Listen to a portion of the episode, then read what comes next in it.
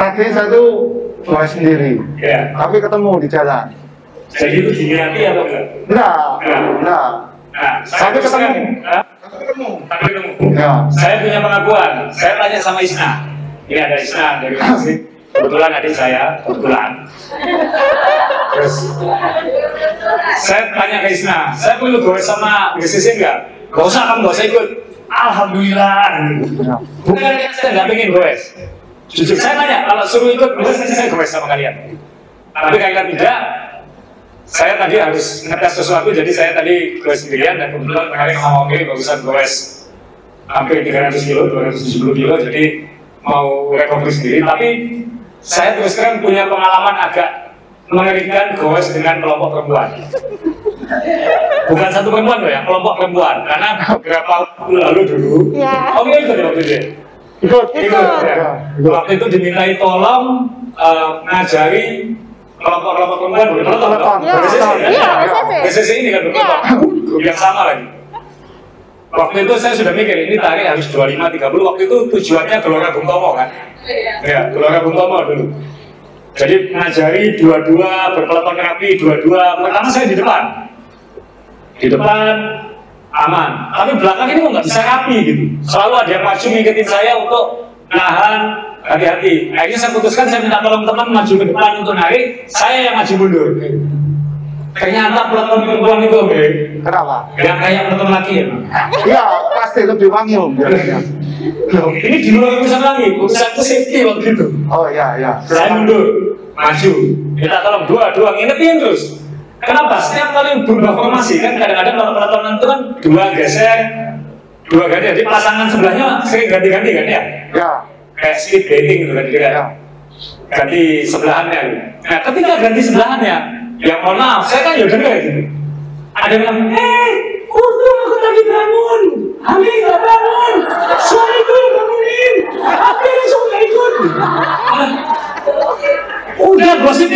aja, dua-dua fokus ke depan, fokus ke depan kayak gitu. Jadi habis itu nanti ada yang ganti pasangan lagi, ngobrol lagi kayak gitu. Waduh, ini yang dari kita jalan ngobrol kayak gitu.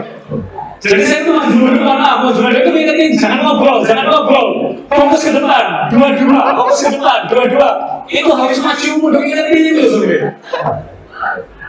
Ketika, loh kan, dia angel kan ya? Aduh, Loh bener emang, saya yang dengerin gua maju mundur. Dan itu sangat menakutkan karena saya tanggung jawab sama peloton waktu itu kan gitu. Kalau ada apa-apa kan saya yang disalahin kan. Ketika sampai ke GBT ke Gelora Bung Tomo stadion, kita yang di depan itu yang narik langsung bersyukur. Untung sampai nggak ada satu. Baru ngomong kayak gitu. Ah, tiga belakang. Saya nggak tahu apa yang terjadi di belakang. Ada tiga yang jatuh. Bukan karena saya. Ketika berhenti jatuhnya. Sudah finish. Ketika sudah finish itu baru jatuh. Ah, bah, gitu. Saya cuma dengar kayak gitu. Katanya ya, mungkin ada yang lupa lepas kiri. Satu, itu normal, ya. Habis itu ada yang ketika mau berhenti itu betulin kacamata. Katanya, aku saya nggak tahu kan, saya dengar cerita aja yang terjadi apa gitu. Gak jatuh. Yang ketiga itu ceritanya lucu banget. Karena dia itu kan kita oke kalau lihat ada motor atau ada di depan kan kita kirim dulu kan ya Betul, baru ya. lihat kan ya, Ya. Ini enggak Teriak Oh enggak.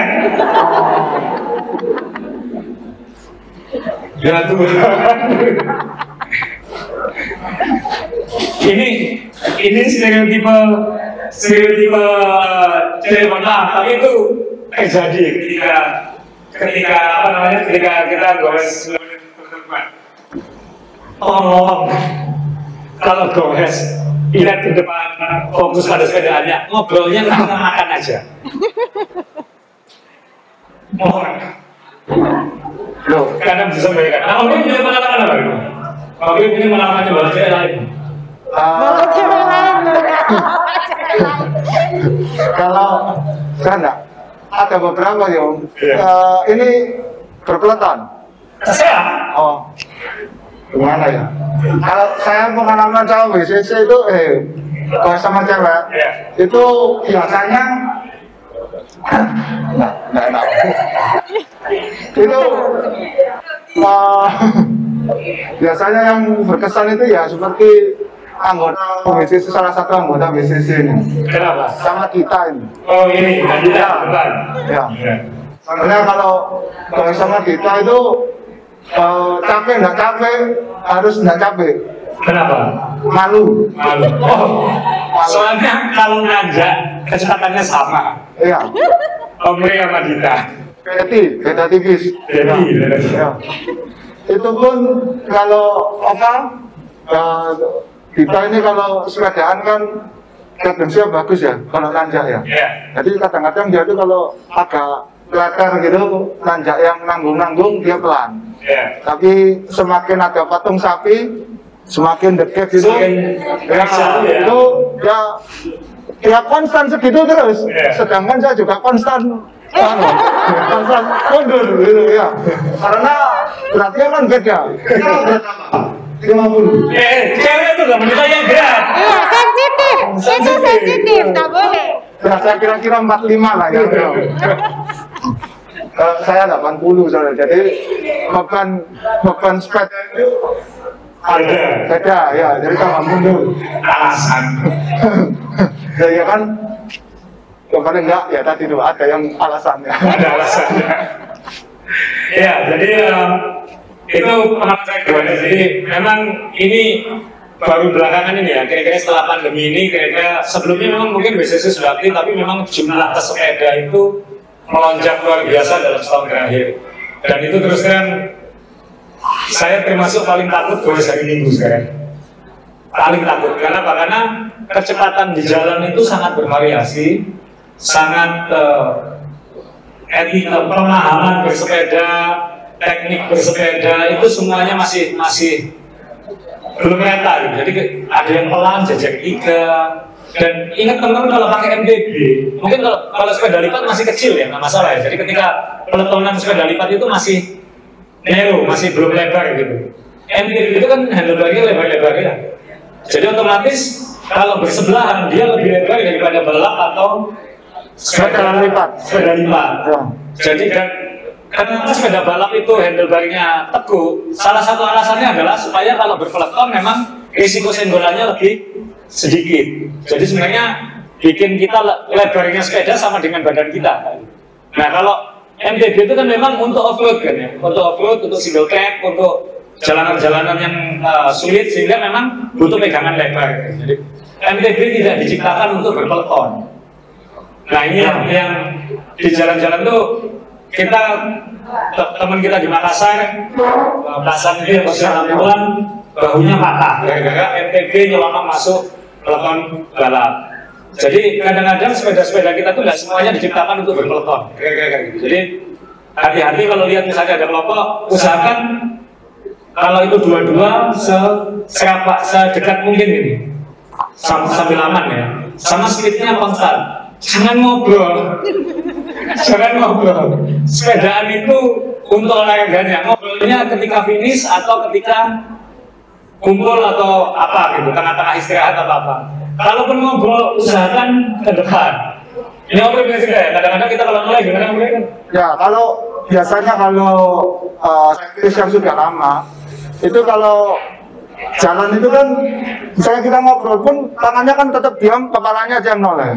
Nah, kalau ya mohon maaf, sektis yang baru-baru itu noleh semuanya, jadi kepalanya, hai, gitu noleh, Sepedanya juga setirnya begini. juga kan begini, gitu loh. Nah, ini kan bahaya sama kita sebelahnya. sama kita kalau naik mobil kita kalau nyetir kalau kita misalnya noleh kanan mobil itu nggak nggak kita sadari sebenarnya juga ikut badan kita jadi kecuali kita sudah bisa belajar tenang di sepeda hanya noleh hanya noleh tapi sepedanya tetap kalau bisa jangan tohat noleh kayak gitu jadi fokus ke depan fokus pada kecepatannya itu ini safety safety utama saya baru dua minggu tiga minggu yang lalu ya Uh, teman kita uh, Dede namanya itu jatuh di belakang saya. Saya agak enak kenapa? Saya narik waktu itu.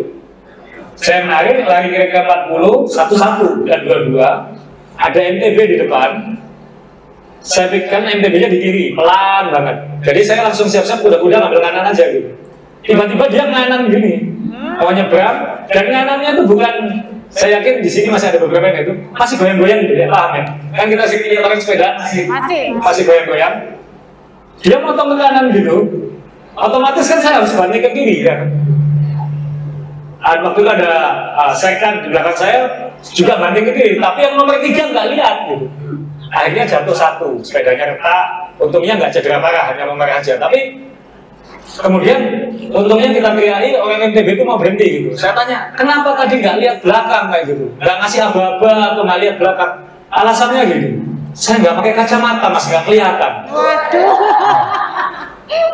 Mau jawab gimana kalau sudah kayak gitu? Nggak pakai kacamata tapi keluar sepedaan. nggak pakai kacamata keluar sepedaan. Oh. Nah minimal kan kita harus kan kita sering ngomong anak kecil ya. Kalau kita punya anak saya juga masih kecil-kecil. Kalau anak kecil kita itu misalnya nabrak atau jatuhkan sesuatu kan kita selalu ingetin Hati-hati. hati-hati, perhatian, eh, apa eh, mindful ya. Kalau bahasa kita mindful.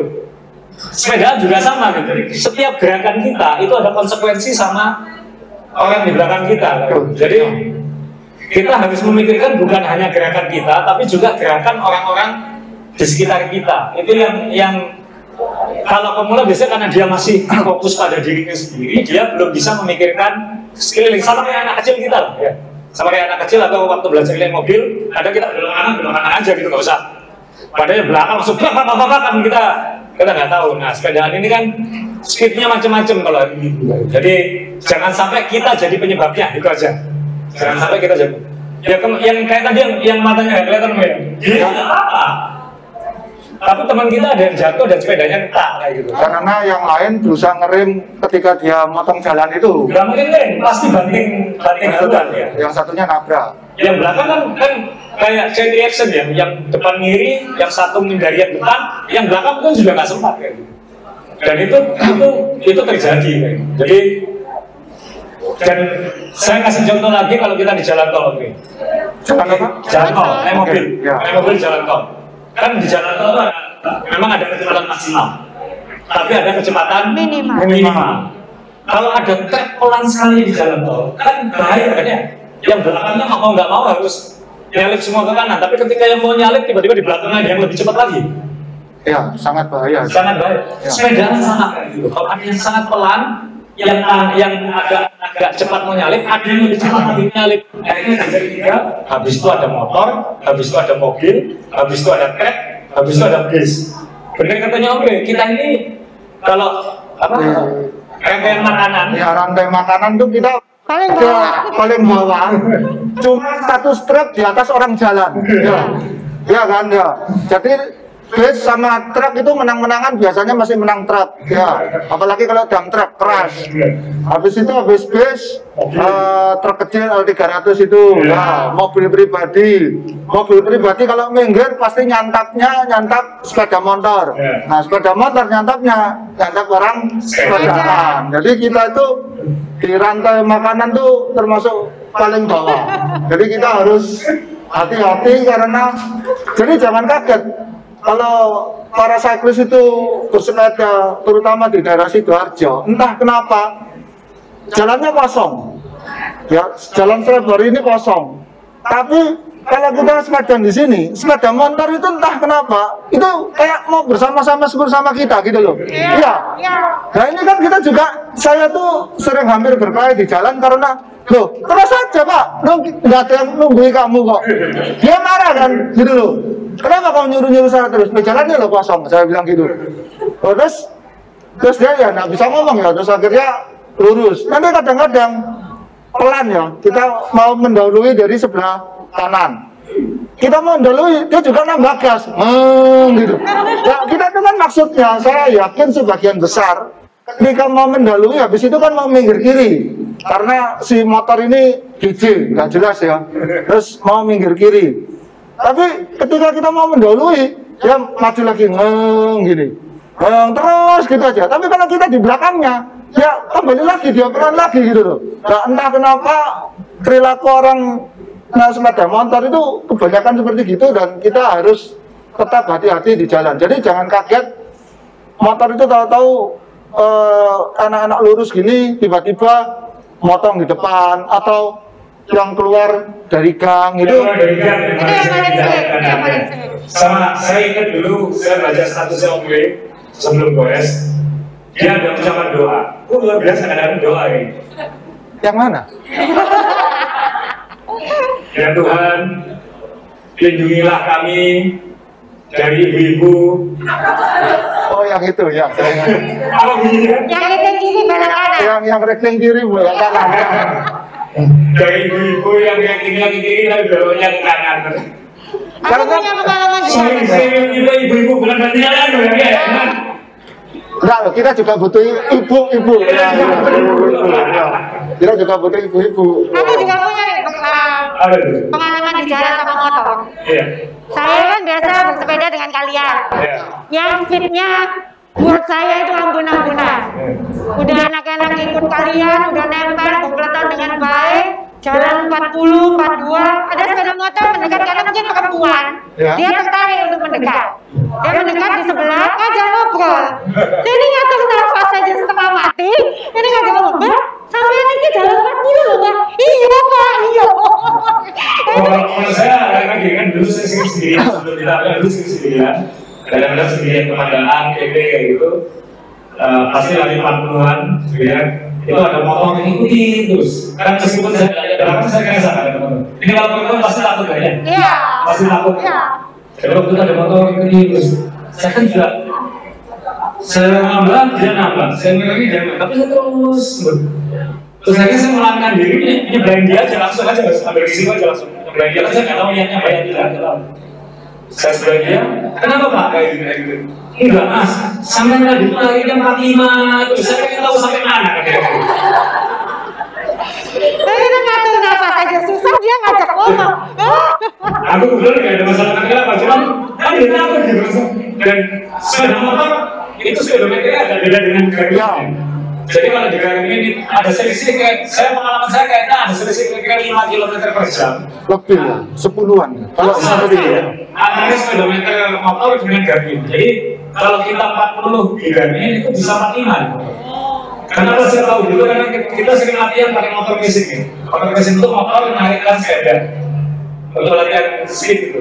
Jadi biasanya motor ini udah bilang 50, tapi kita masih 45 kadang-kadang kayak gitu. Jadi jadi jadi bisa bayangkan ya persepsi kecepatan kita sama yang naik motor itu beda. Belum yang naik mobil. Jadi kita harus benar-benar apa? Uh, karena gitu self self aware gitu ya. Jadi saya minta tolong karena kita pengen semakin banyak. Saya sih juga di sama mungkin juga seneng makin lihat banyak orang goes. Karena Ini orang apa khususnya wanita? Tanya, tanya, Pak, tanya, Pak. orang dulu, orang dulu, Orang dulu secara umum, umum. secara umum. Ya. Semakin banyak perempuan juga baik. Kenapa? Saya terbiasa bikin event olahraga mulai dari basket, eh, sepak bola sekarang. Pengalaman saya adalah kalau di mana banyak cowok, cewek aku ikut. Iya kan? Di mana banyak cowok, cewek aku ikut. Di mana banyak cewek, cowok yang ikut. Jadi Masa? Om? Tanya, toh. Tanya toh. Tanya, toh. kamu kenapa progresnya di situ terus? Soalnya dekat rumah. Nah. Oh, ya. Dekat rumah. Jadi pengalamannya adalah di mana banyak cewek itu cowok banyak ikut. Jadi kan kalau semakin banyak cewek goes, semakin banyak lagi cowok goes. Jadi Ya. dampaknya plus plus. Jadi lebih lebih banyak lagi. Dan semakin banyak yang goes, saya percaya termasuk masa depan transportasi itu nanti akan lebih namanya active transportation. Orang akan didorong lebih bersepeda daripada naik mobil. Apalagi kira-kira lima tahun lagi mobil bensin akan mulai berkurang.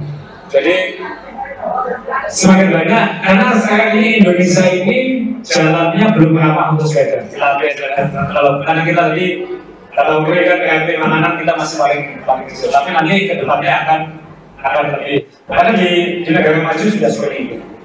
Kalau di Amerika, di Eropa, di Australia pun antar kota itu jalan khusus sepeda sudah ada. Jadi kalau antar kota 100 kilo, 150 kilo itu nggak ketemu mobil bisa. Jalannya sendiri. Nah, kalau itu bisa terjadi kan, berarti ini akan lebih unik lagi. Oke, jadi kita kita langsung kuis saja ya sekarang ya supaya Itu ngapain? apa nih? Kuis itu ngapain? Ya, kuis jadi kuis eh, saya mau bacakan satu trivia kuis dulu buat buat pemirsa pendengar eh, podcast kita. Yang pertama adalah jangan jawab ya. Pertama kan ini buat BCC. Apakah kepanjangan dari BCC? Jangan jaya. Supaya gampang itu supaya ikut. Jadi apakah kepanjangan dari BCC? Jawab pertanyaannya dengan mengklik link yang ada di description uh, acara ini. Jadi jawab pertanyaan pertama, video quiz pertama dari ada motor. Apakah kepanjangan dari BCC? Itu untuk pemirsa. Tidak ada pertanyaan lagi. Sekarang kita lempar jawab supaya kalau dia punya pertanyaan Aku punya. apa? Eh, banyak perempuan itu kan senang sekali bersepeda, tapi takut untuk keluar sendirian. Ini.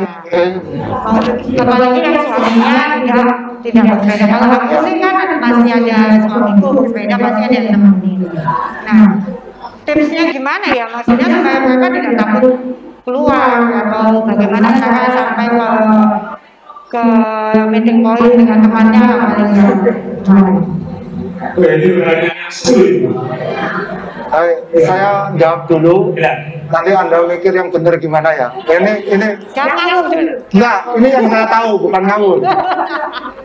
Biasanya seperti yang Om Mas Arif bilang, eh, asal jelas itu biasanya kalau ada perempuan mau sepedaan itu biasanya ada yang mau nemenin. Biasanya, Saya masih ada yang mau nemenin ya. Cuman tadi makanya saya ketika masa ini ngomong soal BCC, pertanyaannya satu. Ketika BCC ini keluar, itu boleh nggak ada yang ngawal pertanyaan gitu? Oke, minta izin dulu. Ngajin dulu. Ya. Jadi, eh, teman-teman saya yang di belakang itu, nah, itu nunggu ya untuk pertanyaan seperti ini. Gitu, ya. Jadi mereka kan, kalau misalnya, oh itu saya dekat sama yang itu, boleh nggak dikawal gitu. Siap ngawal. Iya, kan kasihan kalau ada apa-apa sama-sama nggak enak. Gitu. Emangnya yang ngawal berani? Kalau ada apa-apa di jalan. ya paling enggak kan enggak sendirian gitu ya. Paling tidak gitu loh. Ya, Dan mungkin kan di kelompok kita juga banyak yang mungkin antara sudah capek atau sudah lagi jenuh, lagi nggak pengen ikut jauh-jauhan. Betul, ya. Contohnya itu CEO-nya Sugesti itu ya. Nah, ya, ya. Mas Bagus Kemadani alias Samin dulu ya. Itu dia mencari kok teman yang mau diajak pelan-pelan. Nah, kebetulan temennya yang dia diajak pelan-pelan itu pinter buat rawon om. Kebetulan, ya kebetulan. Tuh, nah iya itu temennya. Maksudnya teman sepedanya ya itu. Tapi ada tuh ya.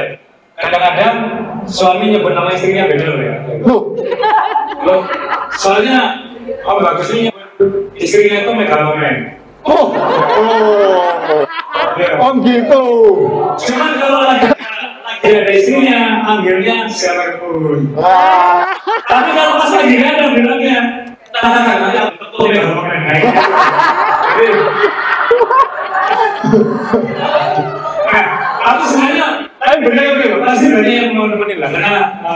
ya, oh om, enggak, tak benerin dulu. Enggak, tadi itu. Kalau enggak tidur teras kasih. Enggak, ngawur kok tadi itu. Ya, lanjut. Ya. ya memang kalau misalnya bisa dari teman tadi misalnya ada pemahaman kalau kita menemani itu nggak apa ya nggak apa gitu. Tapi kalau memang sendirian ya jujur saya harus kasih jawaban yang paling realistis saja. Di Indonesia masih sulit ya.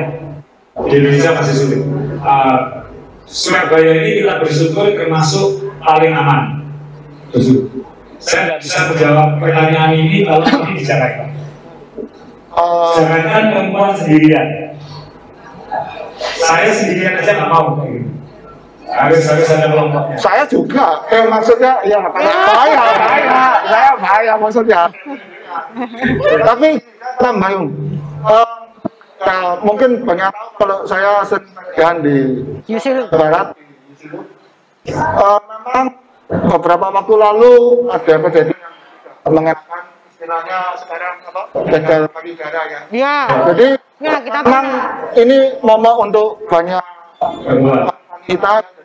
Nah, kebetulan di YouTube itu kan fotografernya. Iya. Ternyata itu ada kapal lain. Oh, ketangkep, ketangkep di foto. Ketar itu awalnya itu mereka bingung para voter itu kan juga seperti pemana atau Fabian itu kan juga pernah kita kan. Iya. Mereka tuh bingung ini kok ada motor keleleng-keleleng nggak jelas gitu ya. Ya kan sama perempuan. Loh, itu tukang kawal lah atau tukang foto atau apa? Oh, nggak kenal. Semakin mereka curiga karena eh, muter akhirnya karena namanya tukang foto itu kan setiap momen pasti difoto, di- dicari semua Ya. yang mana. Ah. Ketemu ya. Nah, setelah itu eh, dia juga tidak berhenti beraksi, akhirnya mungkin di sosmed ada yang dapat, itu ceritanya seperti gitu. Jadi eh, bisa jadi pilihan seperti saya di wilayah timur kan ada di GI itu ya kalau Surabaya atau di mana, jadi guysnya lebih lebih Aman. tetap di situ. Tempat yang memang banyak saya jadi apa boleh buat kadang-kadang kalau sendirian ya harus harus ngeluh ngeluh di tempat tapi minimal minimal gores daripada nggak gores kadang-kadang indoor nge kan juga bosen. Bosan. Ya. karena nggak- kan aspek bersepeda ini salah satu aspek paling bagusnya adalah sosial. Ya tambah kenalan tambah teman kayak gitu. Meskipun nanti ketika ketemu di mall juga kenalan kalau pakai helm sama kacamata sama kayak itu kamu siapa ya? Kayak gitu. Saya sih kayak gitu. Kadang-kadang kalau sepeda kan ya bajunya pasti kita pakai helm kacamata apalagi sekarang pakai masker. Jalan-jalan di mall ya nggak tahu itu siapa kayak gitu. Dan untuk Umumnya ya Ya, untuk tambah lagi kalau kan mungkin masih ada yang tanya ya, itu kan kelupnya, ya perjalanan kelupnya gimana ya? Ya, saya dulu terus eh, pertama kali gos ke Kulinasi sebelum Laguna sama GI dulu di di sana. Dulu terus terang saya bawa mobil di sana. Nah betul Bawa seperti itu. mobil di sana, turunin sepeda lalu ngeluh. Dulu kayak gitu awalnya, lama-lama digores ke sana. Lama-lama digores sama jauh, digores sama jauh, sama- Tapi ya saya cowok jadi agak agak lebih beda ya mas. Tapi mungkin itu kan lebih baik daripada tidak lah. Eh, makanya saya ingin semakin banyak orang sepeda supaya nantinya yang berkuasa itu yang bersepeda. Kalau orang semakin terbiasa dengan Orang sepeda. Surabaya ini se, se- bagaimanapun Surabaya dan sekitarnya ini kita masih bersyukur, masih masih lebih aman, masih lebih baik daripada. eh, saya nggak bisa, saya, saya pasti nggak bisa jawab pertanyaan itu di jalan. Jangan, jangan gitu. Kesulitan saja jadi sekarang itu. Karena karena berbahaya. Oke, itu pertanyaan sebelum pertanyaan berikutnya, mungkin maaf ini ada trivia trivia quiz lagi buat eh, penonton pendengar di YouTube. Trivia quiz nomor dua, berapa kapasitas mesin dari all new Honda PCX? Tadi sudah disebut di awal, jawab pertanyaannya dengan klik link yang ada di description bawah. Gampang kan? Yang pertama tadi udah panjangan dari BCC, yang kedua kapasitas mesin dari BCC. Oke, yang berikutnya dari teman BCC, moga-moga nggak bosan. Biasanya talk show itu agak bosan. Mohon maaf. Ya, monggo. Ya. Berhasil kan ya? Kan? Halo, Indah. Oh, Tamlin.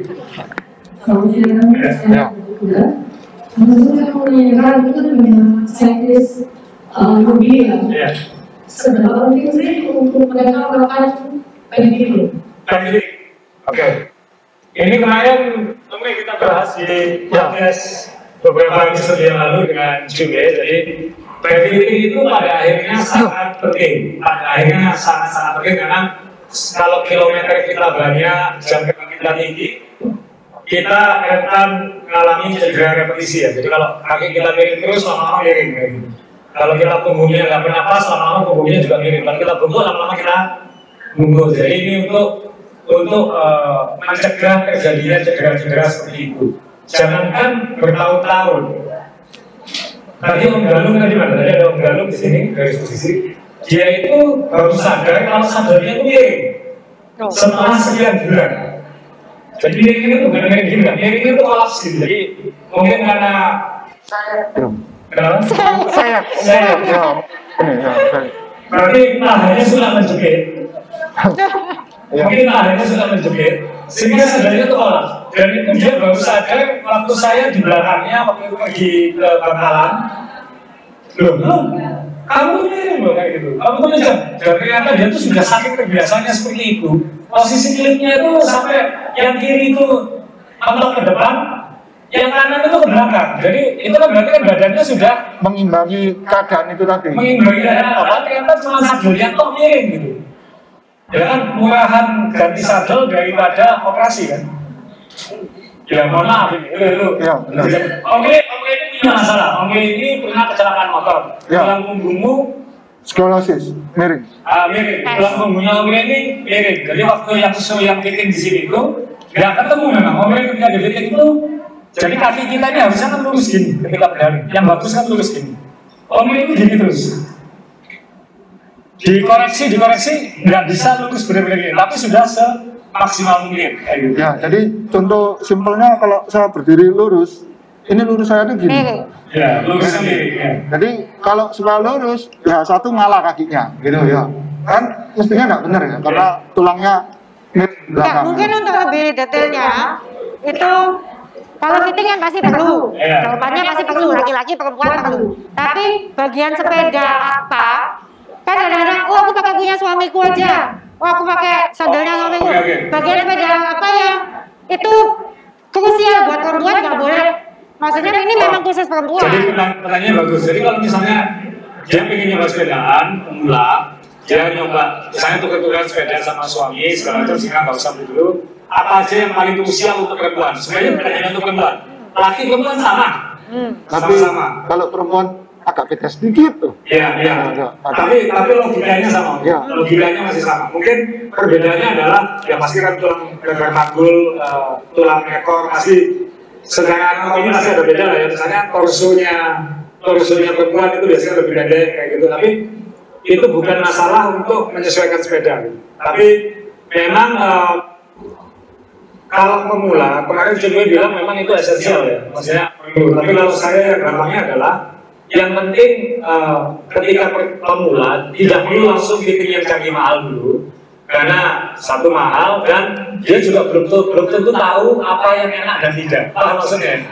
Kan kita belum tentu tahu yang yang benar-benar pas itu yang mana. Jadi minimal fittingan kasat mata dulu aja. Yang penting kelihatan pas dulu. Ini kalau berpengalaman sepedanya biasanya bisa melihat. Ini kepedean, ini ketinggian. Kita sering kalau di jalan lihat orang ini sadarnya ketinggian, orang ini sadarnya kepedean. Itu ada logika-logika yang yang bisa dilihat. Itu biasanya mekanik atau orang sepeda mana aja biasanya punya logika itu. Belum tentu akurat, tapi minimal it's a start, ya kan?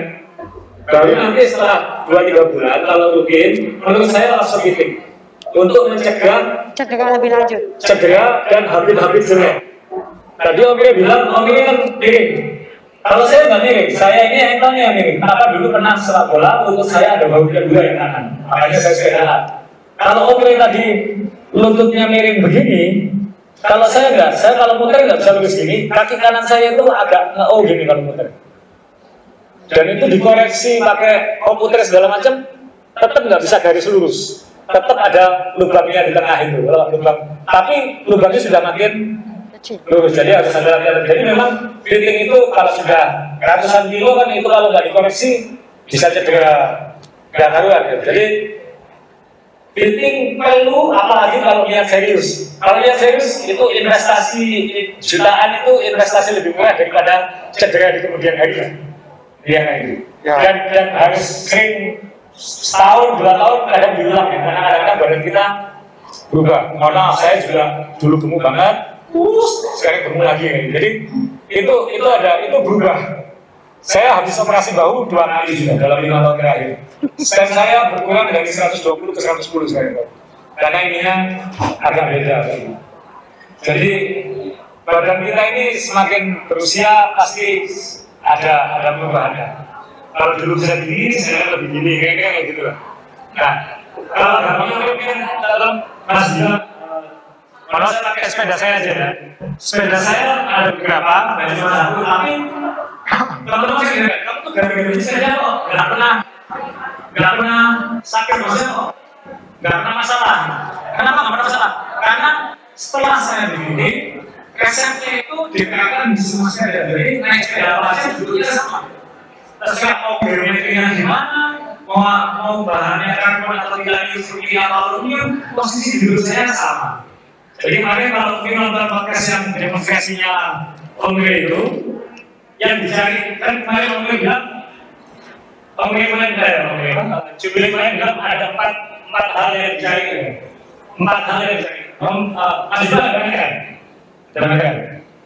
Nah, kalau perempuan melihat begini udah semua, Ya. karena sudah melihat, wih, mata sih, wih, betul ya. Kalau Perempuan kayak ya, gitu. ya, Islam agak unik, istri saya juga termasuk unik. Nanti nama? Atas. Atas. Biasa. Mana awakmu? Yang ini enak. Oh iya iya. Kalau enggak, Eh. Ya. Terus? Tuh. Iya, Bener, keras, keras. Ya. Dulu waktu saya pertama gores juga saya latih sandalnya keras ya. Tapi harus diingat kita pakai padding. Padding itu ya. dan dia gesek-gesek gitu juga kan untuk membantu meredam goncangan dan lain-lain. Kalau ditekan dia meredam.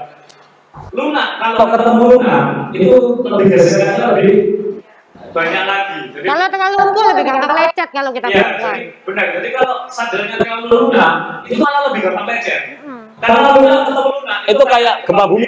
Permukaan tanahnya gesek-gesek terus. Nah, kalau kalau kalau kayak gini itu lunak, sadarnya keras, yang gerak hanya kayak gini aja. Sadarnya nggak apa. Jadi alasannya kenapa sadar sepeda itu keras. Jadi orang kadang bilang sakit. Ya mungkin yang yang bilang sakit itu mungkin nggak pakai padding. Nah, sepeda yang pakai padding begini aja gitu. Maksudnya kalau cewek kayak panas sendiri. Nah gini, kalau saya mendapat pertanyaan yang yang tanya sendiri, Hmm. gitu, itu eh, biasanya nomor satu kalau menurut saya itu prinsipus. Oh ya ini tadi kita ngomongin empat poin yang dicari tadi. Karena Pingin. Tinggi sipos itu ukurnya. Ini nanti kalau oh ini kalau suaminya ikut, ada ngajakin suaminya ya. Jadi mana? eh, Sini, sini, sini, sini. Eh, kamu jelasin. Jadi nyarinya Kamu. Ini ngaruhnya dari tengah sektor bottom bracket ke tengah satu. tengah satu. Oh. Se sejajar sama sipus apa enggak? Sejajar. enggak, enggak boleh sejajar. Enggak boleh pinjam. Jadi ini yang tahu. Jadi kadang-kadang orang ukur ya. Tinggi dari pasti tinggi itu dari tengah-tengah bottom bracket, dari tengah-tengah kayak sekarang ini sampai ke tinggi satu sampai ujung atas. Masalahnya kadang-kadang asal taruh atas gitu aja. Padahal sandal itu panjangnya beda-beda. Ada sandal yang pendek, ada sandal yang panjang. Jadi yang pertama harus dilakukan sebelum ukur tinggi adalah mencari titik tengahnya sadel. Jadi kalau misalnya ini, ini sandal saya, saya, saya suka isi karyon ini panjangnya 30 cm. Berarti ambil titik tengahnya. Ya pakai meteran. Cari, Terus dibagi dua. kemudian bagi dua. Oh, tengahnya di sini. Tengahnya di sini misalnya. Ditandai pakai slotting. Supaya tahu titik tengahnya di mana. Nah, baru nanti jarak dari Center sumber BB itu ke tengah sana. Itu cara ukur yang benar. Sering, pokoknya asal tingginya. Asal tingginya itu bisa selesai satu dua senti loh. Swag. Jadi gini, airnya sama. Ketika dinaik kok nggak enak. Karena selisihnya bisa dua senti kalau nggak digituin. Mungkin yang mau saya tambahkan, kenapa kok perlu di tengah? Karena macamnya sadel itu kan beda-beda. Misalnya ganti sadel, sadel itu ada yang short nose, jadi panjangnya cuma segini ya, cuma Aku belakangan gini. suka short nose. Ya, Nah, itu sebenarnya buat cewek ya. Aku belakangan suka short cewek. Satu pendek itu buat cewek. Gak tau mungkin kalau diginiin kan nggak ada yang digencet ya. Yo. Ya, saya Aku juga, gini. saya juga pendek om sadelnya. Oh. Oh, dia suka, dia suka. Oh, Saya Yang dulu oke dia. oke ternyata pendek, jadi suka yang pendek. ya, kan juga buat cewek om. Ya, betul. Apa ya? Hah? Untuk dia nggak dengar kan. Sebentar, perempuan panjang. Nggak apa, kan nggak- nggak. Ya, jadi kalau sadelnya pendek, ngitungnya tengahnya juga sama. Jadi Yang panjangnya di, diambil tengahnya. Nah, apa yang terjadi kalau ganti sadel? Belum tentu sad, nah, nanti kita ngomong ke ya. Jadi sekali lagi beda sadel, beda panjang itu juga nanti belum tentu masaknya sama. Tadi kan tinggi, tinggi sadar itu yang dicari satu. Yang paling utama kedua, yang ini paling tidak umum di Indonesia, paling, paling tidak umum di kalangan pemula ya. Bahkan di toko-toko sepeda di Indonesia pun banyak yang nggak paham ini. Dan kemarin kedua juga fitting ilmu fitting yang bergerak itu yang paling dicari sebenarnya. Yang dicari adalah posisi kaki.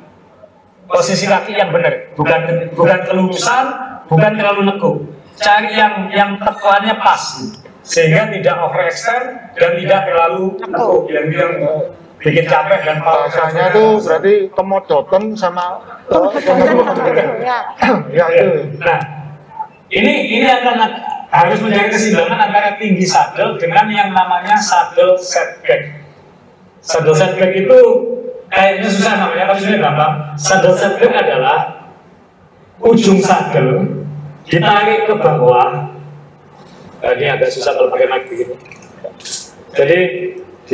Jadi kalau sama anu misalnya kan ya sini ya ujung saddle ini, nah jadi diambil ujungnya berubah. Ditarik ke berapa? nah ujung saddle ditarik ke bawah itu jarak antara garis lurus dari ujung saddle itu ke titik tengah bottom bracket ke titik tengah jadi saya 4 cm saya 4 cm ada yang 3 cm ada yang 6 cm jadi dari ujung saddle dari ujung pakai pakai benang biasanya lebih gampang. ini biasanya pakai timbangannya orang bangun itu loh yang Oh, ya. ujungnya ada timbulnya itu Iya. jadi ditaruh di ujungnya begini dijatuhkan ke bawah lalu dari tali itu ke tengahnya bottom bracket itu berapa Oh jaraknya dari misalnya jatuhnya dia di sini, antara Iya. ini ke sini gitu ya? iya biasanya jatuhnya itu di belakangnya ini Oh, Ya. oke. jatuhnya di belakangnya bottom bracket. ini kan dijaga jadi miringnya Oh, Ya. lain Jadi itu, jadi kalau sudah ketemu dua itu, posisi kakinya pasti benar.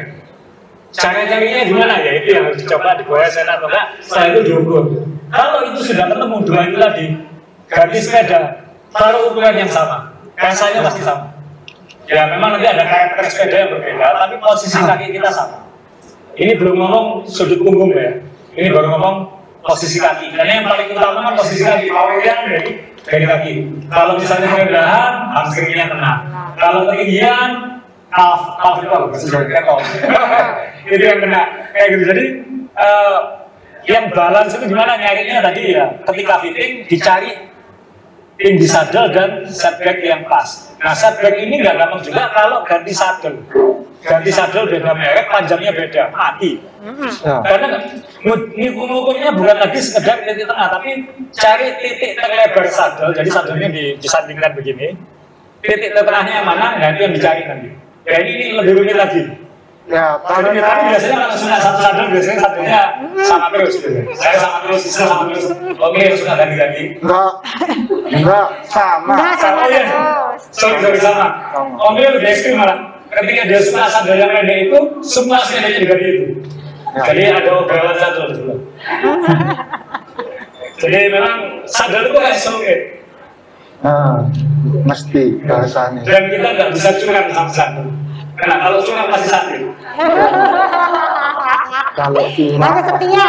kalau curang masih sakit. Eh, Kalau curang disiksa langsung gitu ya. itu sama sadel ya Sama sandal ya. Nggak cocok soalnya. Langsung kayak kena tiang hari itu. Eh, itu satu. Nah, bagaimana nyari nanti dua ya? Tinggi saddle sama setback. Nanti mungkin ketika di podcast sebelumnya atau cari di YouTube atau di internet pasti banyak. Bagaimana mencari setback yang pas buat kita dan eh, tinggi saddle. Jadi tadi itu dua. Yang kedua kata kalau kata Cunwe dari situ itu yang dicari untuk sudut punggung dan tangan yang enak kan ya. Cewek kadang-kadang sering kerel begini ya, kerel tekan. Kalau pemula bisa gini-gini kan ya goyang-goyang tangannya padahal nggak perlu goyang waktu itu Ya, nggak perlu goyang. ya waktu itu Yang lebih enak nggak goyang kan kayak gitu ya. ya Ya. Ya.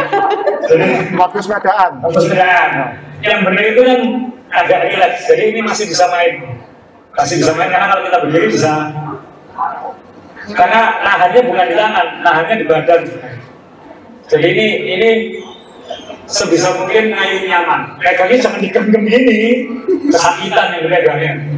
Jadi megangnya relax saja. Nah ini tangannya relax, Om ini posisinya bagus, dia sepedanya kecil, stangnya panjang, jadi badannya bisa begitu. Saya karena ada masalah bau, saya lebih tegak dari Om ini sedikit sebenarnya. Jadi posisinya kayak gitu, tangannya kita, nah nyarinya gimana? Ini yang dicari adalah jarak antara ujung, ujung sadel dan stem. Ini memang pembalap kayak gitu kan ya? Kalau misalnya ganti sepeda yang diukur ujung sadel, oke benar ada. Kantongi, kalau kita mau. ya, pinjem. Nah, Jadi yang dicari biasanya kan begini ya. Hmm. Ya ini paling gampang sih. Dari titik tengahnya handlebar sama satu. Tapi harus diingat ini tingginya bisa beda-beda. Jadi ini belum tentu akurat. Jadi yang dicari adalah garis lurus ini. Om, Pak ingatkan, karena ini kelihatannya simpel, tapi sebetulnya hitungannya rumit. Oleh karena itu perlu fitting, kan begitu ya? Ya. Ya. Untuk nyarinya itu perlu gede. Ya. Jadi kalau nanti ganti sepeda ya cari lurus gini lah jarak. Nah. Drop namanya handlebar drop. Jadi garis lurusnya Garis ini, lurusnya ini. selisihnya tiap orang itu pasti beda-beda. Nah, ini nanti menentukan seberapa seberapa bongkok kita di sepeda. Kalau atlet ini pasti Belasan senti. belasan senti Belasan senti ya. Bisa 20 senti malah. Iya, ya. kalau lurus gini kan biasanya. Karena semakin lurus, semakin naik dinamis, semakin cepat. Tapi atlet kan tahan begitu 5 jam. Kita paling di satu 20 detik, 15 detik udah naik lagi ya kayak gitu ya. Ya. Kadang nggak nyampe. Tapi sekali lagi fittingnya atlet sama kita kan beda. Yang dicari nyaman dulu kan ya. Ya. Nanti kalau sudah lebih lentur baru kan cari. Kalau sudah nyaman baru lainnya. Kalau sudah nyaman, next level ya. Iya kan, bisa bisa kayak gini tadi. Iya, ya, semakin bisa gitu nggak apa-apa, tapi tergantung mau jarak jauh atau jarak pendek. Kalau jarak pendek, kalau jarak jauh biasanya dibuat lebih nyaman aja. Cara nyarinya di mana ya? Stepnya bisa. Ini tadi jadi jarak ya, reach, reach itu jarak dari dari ujung sadel ke Handlebar sini. Ke handlebar atas ini. Iya. Plus dropnya, jadi dua itu lagi. Itu untuk Jadi panjang, dropnya itu selisihnya ini tadi. Iya. Ah. Jarak dan dropnya. Bisa, eh, kamu jelasin ini kan sangat teknikal. Iya. Ya, semua itu tak jamin. Mulai ke mana di sini ada jamin. Bilang ya, Pak, aku bawa ke tempat itu. Kayak memang. Kalau kita konvensi gitu. Loh itu bukan masalah. Masalah yang di rumah. Masalah suami kalian masing-masing kan.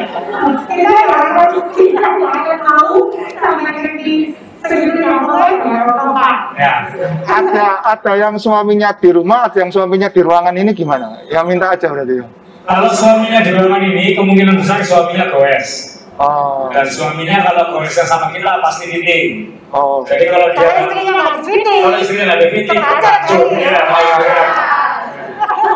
Mohon maaf. Gampangnya nggak adil, ya kan? Nggak. Sama-sama keluar kan biayanya sama adil kan kayak gitu.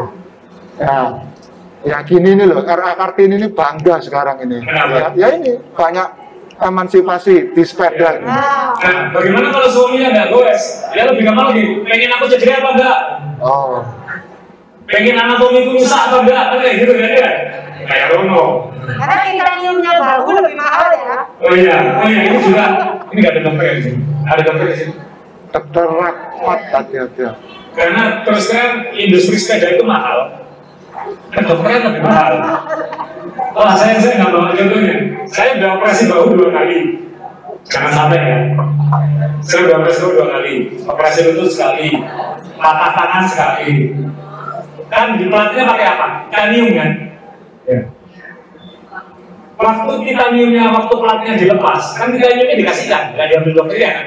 Dikasihkan ke kita lagi kan? Cuman segini loh, segini bolong-bolong. Enteng, ini kalau gramaturnya pasti nggak tinggi kan ya? Harganya lo sama kayak sepeda ini, Sama titanium. sama-sama jauh. Aku yakin mikir teknologinya beratan ini daripada plat ini. Cuma Dan ketika masang kita juga nggak lihat kok. Masalah- ini kita ini berapa gram? Oh ini lebih enteng atau enggak? Ini buatan Jerman, ini buatan Taiwan kan enggak? ya, tapi masalahnya Om, kan nggak mungkin nancapkan ini di sini. Nah, iya kan? Loh, masalahnya bukan ajakannya, membandingkan bahwa ini tuh mikir bikinnya. Ya ini juga mikir. Nah, iya makanya tadi itu. Cuman, cuman kalau itu ditimbang, ini ya gila, gampang-gampang aja. Di kilo no itu nggak ada bandingannya kayak gitu. Ya kan kalau perempuan hitung emas kan biasanya dia satu gram berapa lah gitu. Nah ini coba bandingin. Bedanya kilo dan gram, harganya sama. oke lah yang masang dokter ya gitu kan ya. Ya. Ya ini, ini bukan berarti anti dokter ya, karena terima kasih dokter kalau nggak saya nggak bisa bantu juga. Gitu kan. Jangan jadi bilang ke suaminya, pengen saya cedera anatomi saya rusak atau belikan titik dan sepeda yang benar. Ya. Mohon maaf untuk para suami sebelumnya. Apa yang lama berada di sini kok? Ada. Gimana? Ya kan di podcast nggak bisa pukul apa jauh. Ya. Paling aku diganggu di sosmednya. Ya. Ya. Dia yang ngomong ya. Ya, saya nggak punya sosmed, jadi kalau ada apa yang digangguin dia. Oke, sebelum kita tanya terakhir mungkin nanti ya, satu lagi. Ini ada satu preview artis terakhir untuk uh, pendengar YouTube, pemirsa YouTube. Ini tadi, ini belum belum dijelaskan ini, tapi bisa tanya-tanya, bisa bisa kepoin BCC chapter Surabaya kalau yang ingin tahu jawabannya. Kesempatan, kesempatan. Namanya? Kesempatan tuh tanya-tanya ini. Iya, kesempatan ada. Jadi trivia quiz ketiga, jawab pertanyaannya dengan klik link yang ada di description. Pertanyaannya adalah, ini yang paling sulit, tahun berapa WCC Chapter Surabaya didirikan? Silakan, silakan. Sekarang ada Google ya, nah tinggal Google aja WCC Chapter Surabaya, cari di sosmed, nanti linknya ada di description kalau nggak kepoin anggota BCC Surabaya tanyain pasti nanti ketemu jawabannya Yang jelas yang pertama, yang pertama paling gampang adalah saya atau Maya. Nah, Mama yang mana? saya. Oh, saya ada. Gitu loh, kalau pakai helm masker pasti nggak tahu itu siapa gitu. Jadi kadang-kadang di Surabaya, aku nggak tahu itu istrimu kok. Apa lagi? Enggak. Saya cuma ketawa, enggak boleh. Ya. gitu bedanya pelaku sama enggak gitu. Oke, eh, terakhir mungkin satu lagi, mohon maaf eh, supaya kita harus satu terakhir sebelum Ya? Oh, enggak. Maria, silakan. Bagi Rasul, saya mau saya nanya masalah tentang pernapasan. Ya. Itu kalau misalnya semua orang. Iya. Tapi kalau misalnya udah di atas tiga tiga lima, udah mulai Ya, ya. Pernapasan. gitu aja. Terus satu lagi, kita misalnya bos agak jauh itu ngajak ya, itu kadang sering tuh gimana? Oh, oke. Solusinya. Oke, terima kasih. Terima kasih. Ini mohon izin ini pertanyaan terakhir ya, uh, supaya kita bisa sesuai waktu. Uh, kalau kan ditanya pena- penapasan dulu, saya juga punya pertanyaan ke perempuan sebenarnya, khususnya yang pernah melahirkan. Hmm. Kan saya nggak bisa tanya nih. Ini ini saya nggak akan bisa merasakan, tapi nanti soal sepedaan saya bisa berbagi dan kita semua bisa merasakan. Jadi sebenarnya lebih sulitan perempuan daripada laki-laki dalam hal ini kayak gitu. Karena kan cewek itu gampang kalau cowoknya kurang aja nggak tahu belum pernah melahirkan nggak tahu rasa sakitnya kayak gimana kayak gitu ya. Karena saya jadi membandingkan sakitnya sepedaan sama sakit melahirkan itu gara-gara waktu Bradley Wiggins yaitu juara terdekat 2012 dia barusan memecahkan rekor satu jam eh jam satu jam ngobrol bisa-bisa dia ditanya gimana rasanya?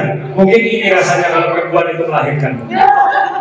Jadi pasti berantar perempuan kayak gitu. Kan perempuan ada latihan lamasnya dengan pernapasan untuk Masalahnya zaman sekarang sudah banyak perempuan yang melakukannya secara sesar-sesarnya ya apa pun lah. Pokoknya ada ada latihan latihan pernapasannya kan. Untuk pernapas itu kan bisa untuk nahan sakit. Kan bantu nahan sakit bantu supaya kita nggak panik atau apa kayak gitu. Jadi sebenarnya dua pertanyaan tadi jawabannya sebenarnya adalah jam terbang dan latihan. Ya, betul. jam terbang dan latihan. Eh, mungkin nanti Om Ray akan bisa lebih relevan karena kita sering ngewek dia di jalan dulu.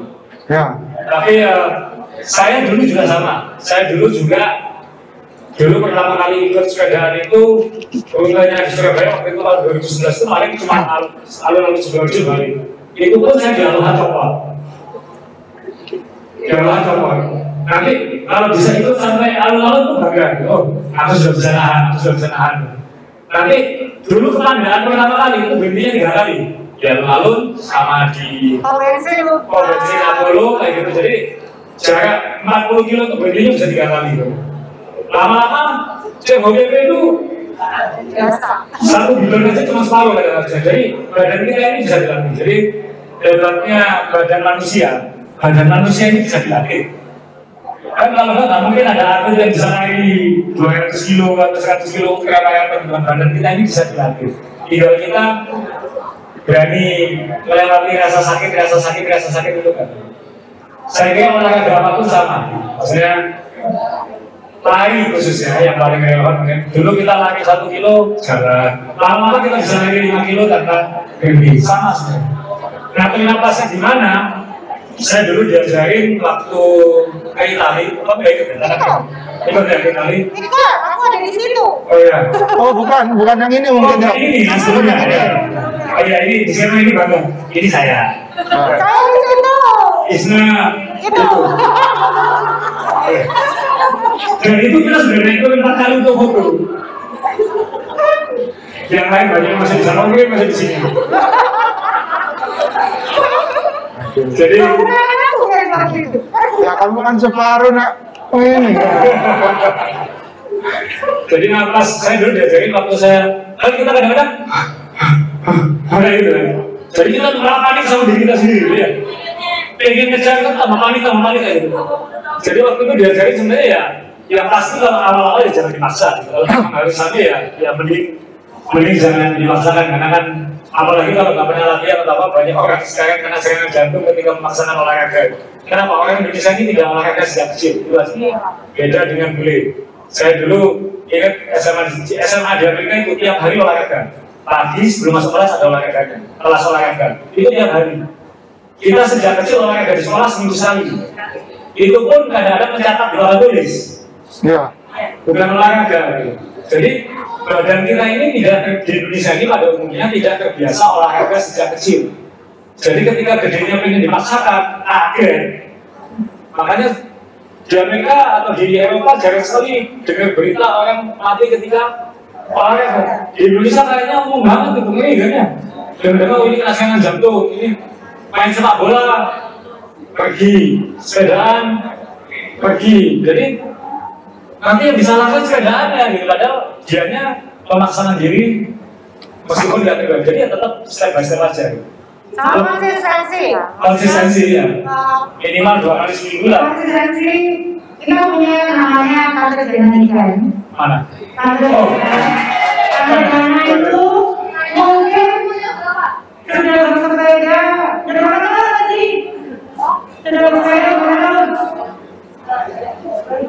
Ini mungkin sepuluhan. Ya. Ya.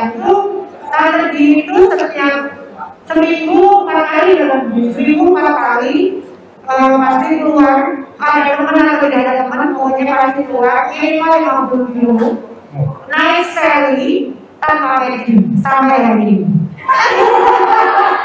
oh ini ilmunya beda ini. Nah, ini konsistennya luar biasa. Seminggu kita kita yang umurnya jauh di bawahnya kan kecil dengan kecepatan yang sama yang mampu. ya. ya itu habitual kan badan itu bisa dilatih. Badan itu bisa dilatih. Badan itu bisa dilatih dan mungkin yang baik ya caranya beliau itu. Kecepatannya sendiri aja nggak usah nafsu ngikutin nggak usah nafsu ngikutin. Ini saya mengalami belakangan ini. Terus saya aja grup saya makin lama makin cepat. Banyak yang muda sekarang ikut. Cepatnya minta ampun kayak gitu cepat belajar cepat. Saya juga mungkin mengurangi kadar umur kayak gitu. Dulu saya mungkin bisa mengurangi, sekarang kita agak kesulitan ya. Ya, kamu sih, kamu sih ngelesin di situ aja kayak gitu. Jadi saya putuskan dalam sebulan terakhir saya agak agak bisa sendiri. Pacing diri saya sendiri sama beberapa teman yang kira-kira pacingnya sama, akhirnya malah improve gitu. Ketika mencoba ngikut yang cepat itu malah nggak improve improve gitu. karena ya mungkin usia dan lain-lain kayak gitu. ya. Jadi akhirnya ya kita akhirnya yang menentukan ya badan kita sendiri lah maksudnya ki- kalau kita sudah hafal dengan badan kita kita tahu harus harus ikutin yang mana tapi yang suami-suaminya ikut kelompok kita pasti paham lah bebannya mempertahankan prestasi mau nggak mau kalau misalnya ada pasang kita pasti kayak itu untuk jaga kondisi itu jadi pada suatu titik kita tidak ingin ngedrop karena melepasnya gampang banget Ya. off aja dua minggu selesai Pasti. Jadi saya tambahkan gini mungkin ya. Yang Anda lihat itu adalah ujung dari gunung es. Ujung dari Ya, karena sebetulnya yang di bawahnya ini jauh lebih besar.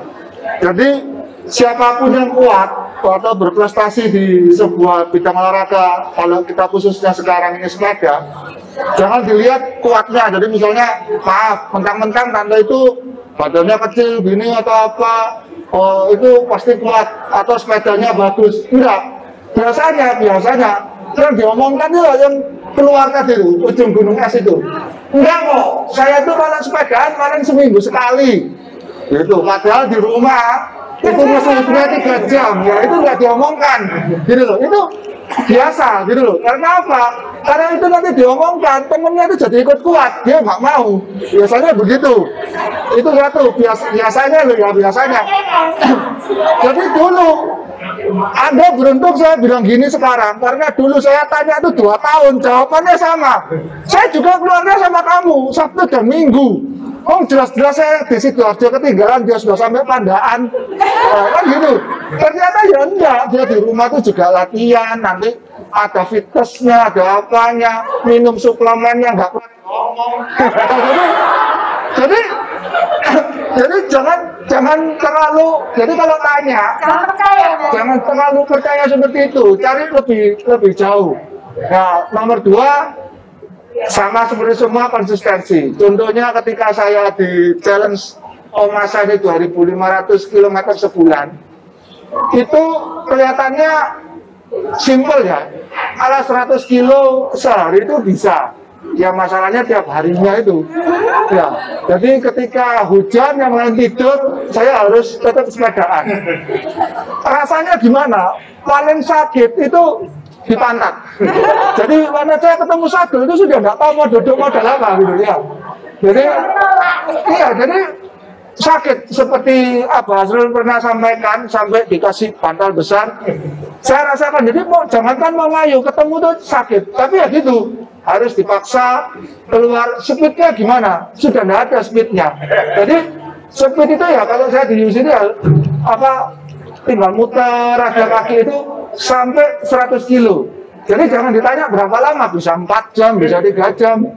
Ya, jadi tapi ketika eh, sudah melewati berapa lama ketika diajak teman-teman tuh ayo sana 100 kilo. Ya badannya itu nggak capek karena dia tadi itu sudah terasa biasa 100 kilo tadi itu.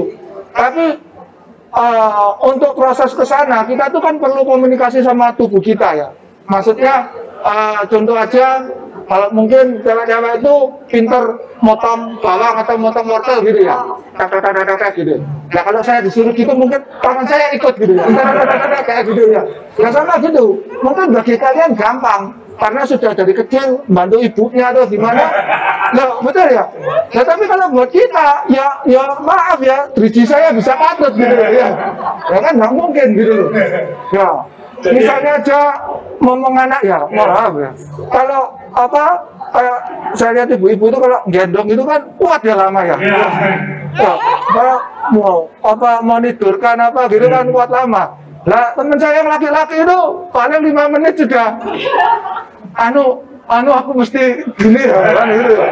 ya jadi karena nggak biasa tadi itu jadi ya Penemu troli, penemu gendongan itu pasti laki ya. Pasti laki, Pasti laki. Saya nggak nekat kan kayak gitu. ya jadi ya perlu kebiasaan dan ketiga ya pasti komitmennya atau tujuannya itu mau sampai mana Ya. jadi jangan dikira harus cepat atau harus apa ya seperti tadi Eh, penunjuknya kereta- eh, apa sensor ke badan kita itu masih tetap harus dijaga misalnya heart rate monitor itu. Jadi berapa biasanya jantung kita berdetak? Itu pasti kerasa. Loh saya biasanya speed segini detaknya segini.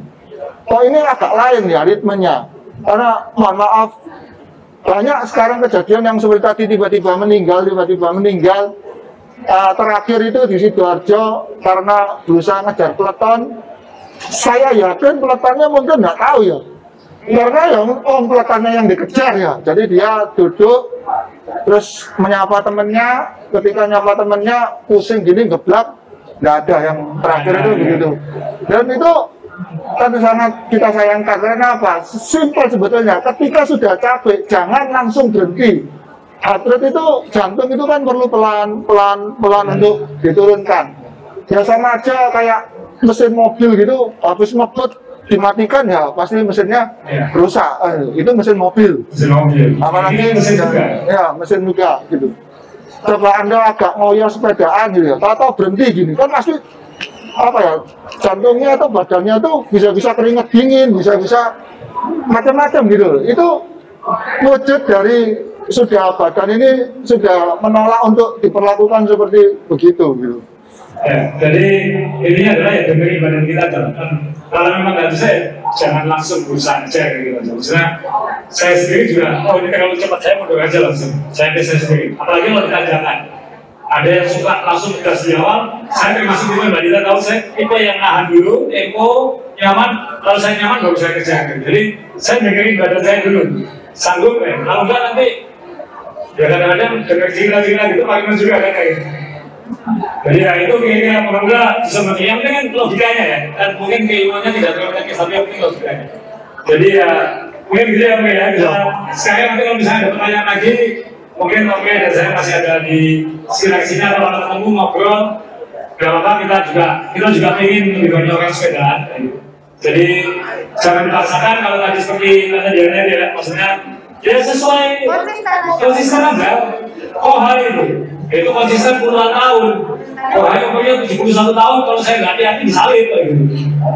Jadi ya kenapa? Karena habit sudah sudah terbentuk dan oh hari itu rajin sekali. Oh saya saya pernah enam hari gores sama Kohai dari Surabaya ke Labuan Bajo. Setiap hari 190 kilo, 200 kilo, 150 kilo dengan Kohai. Saya juga karena kita waktu itu sifatnya bikepacking ya, kita nginep di Los Angeles dan saya satu kamar sama Kohai juga. Orang itu disiplinnya minta ampun. Ini yang saya nggak yakin saya bisa. Gak minum es. Susah kan ya? Gak makan gorengan. Susah. Ya, Ah, betul, betul, betul. Kemudian rajin stretching. Aduh, saya paling males stretching. Rajin stretching. Jadi ya pantas saja kalau ketika sampai kita di waktu itu kalau nggak salah di dekat Singaraja dan Tanjakan gitu, kita nasi aja pokoknya udah di atas pisang mas, pisang mas, pisang mas. Karena dia dia sangat jaga. Oh ini, oh ini nasi goreng enggak mas. Gimana mau melawan? kasih goreng aja Nasi goreng mau ya. nah ya mau Oh, ini nggak mau minum, kita minum es, minum apa, eh, botolan-botolan itu, oh enggak, Air putih. nggak mau dia air putih atau dia bawa sendiri dari rumah, nyiapin sendiri, atau dia jeruk nipis sangat. Jadi, waduh ini traveling sama ini bikin stres sendiri kayak gitu. Jadi, ya, tapi dia umur 71 tahun dan kekuatannya sama mungkin di atas saya sekarang. Jadi, sekali lagi, konsistensi, latihan, dan lain-lain itu. Jadi itu mungkin, kalau perempuan itu fokus yang paling bahaya. ya, Soalnya pagi itu biasanya fokusnya bangunin anak sekolah, nyiapin masakan, terus nyiapin punyanya suami. Jadi sebelum bersepeda pastikan semua itu dulu aman. nah ini aku nggak bisa jawab. Lalu keluar rumah. Ini kita nggak bisa jawab. Kalau dia tengah-tengah di dalam ngomong apa, ngomong ini nah itu yang repot. Kalau semua tuh saya Kalau kita paling ngomong, hei bangun. Ya ini, ini saya nggak- itu itu itu akan jadi kelebihannya lah ketika guys pasti pasti kayak itu tadi sesakit sakitnya sepedaan pasti sakit sakit melahirkan. Kayak gitu. Jadi dan saya nggak bisa membayangkan kayak gimana gitu. Saya nggak yakin kalau misalnya punya batu ginjal sakitnya seperti melahirkan kayak gitu. Mudah-mudahan ya. Jadi itu oke ya. Ya. Kita jadi terima kasih. terima kasih banyak semua Semoga semuanya makin niat sepedaan, tidak harus ikut-ikutan, uh, sesuai kebutuhan dan kemauannya. Uh, kalau suaminya sepedaan, saya pesan satu, ini buat Mas Bagus, pesan terakhir. kalau dia malas sepedaan, dia sering alasannya nemenin ekonomi. apa betul tanda tanya itu betul? Apa Kalau betul? megaloman, yang kita dengar megaloman ini sapu hitam, Iya kan? Kamu sapu hitam kan ya? Ya. Jadi tolong ditekuk supaya dia mau sepeda jauh lagi ya. Jadi malah di sini mungkin suaminya yang lebih rajin olahraga. Karena sekarang juga banyak cewek-cewek yang lebih rajin olahraga, suami-suaminya ketinggalan banyak sekali. Ya. Ya, jadi sekali lagi terima kasih. Uh, Mudah-mudahan tidak ada jalan yang terlalu ngawur dan minggu perasaan. Uh, terima kasih semuanya.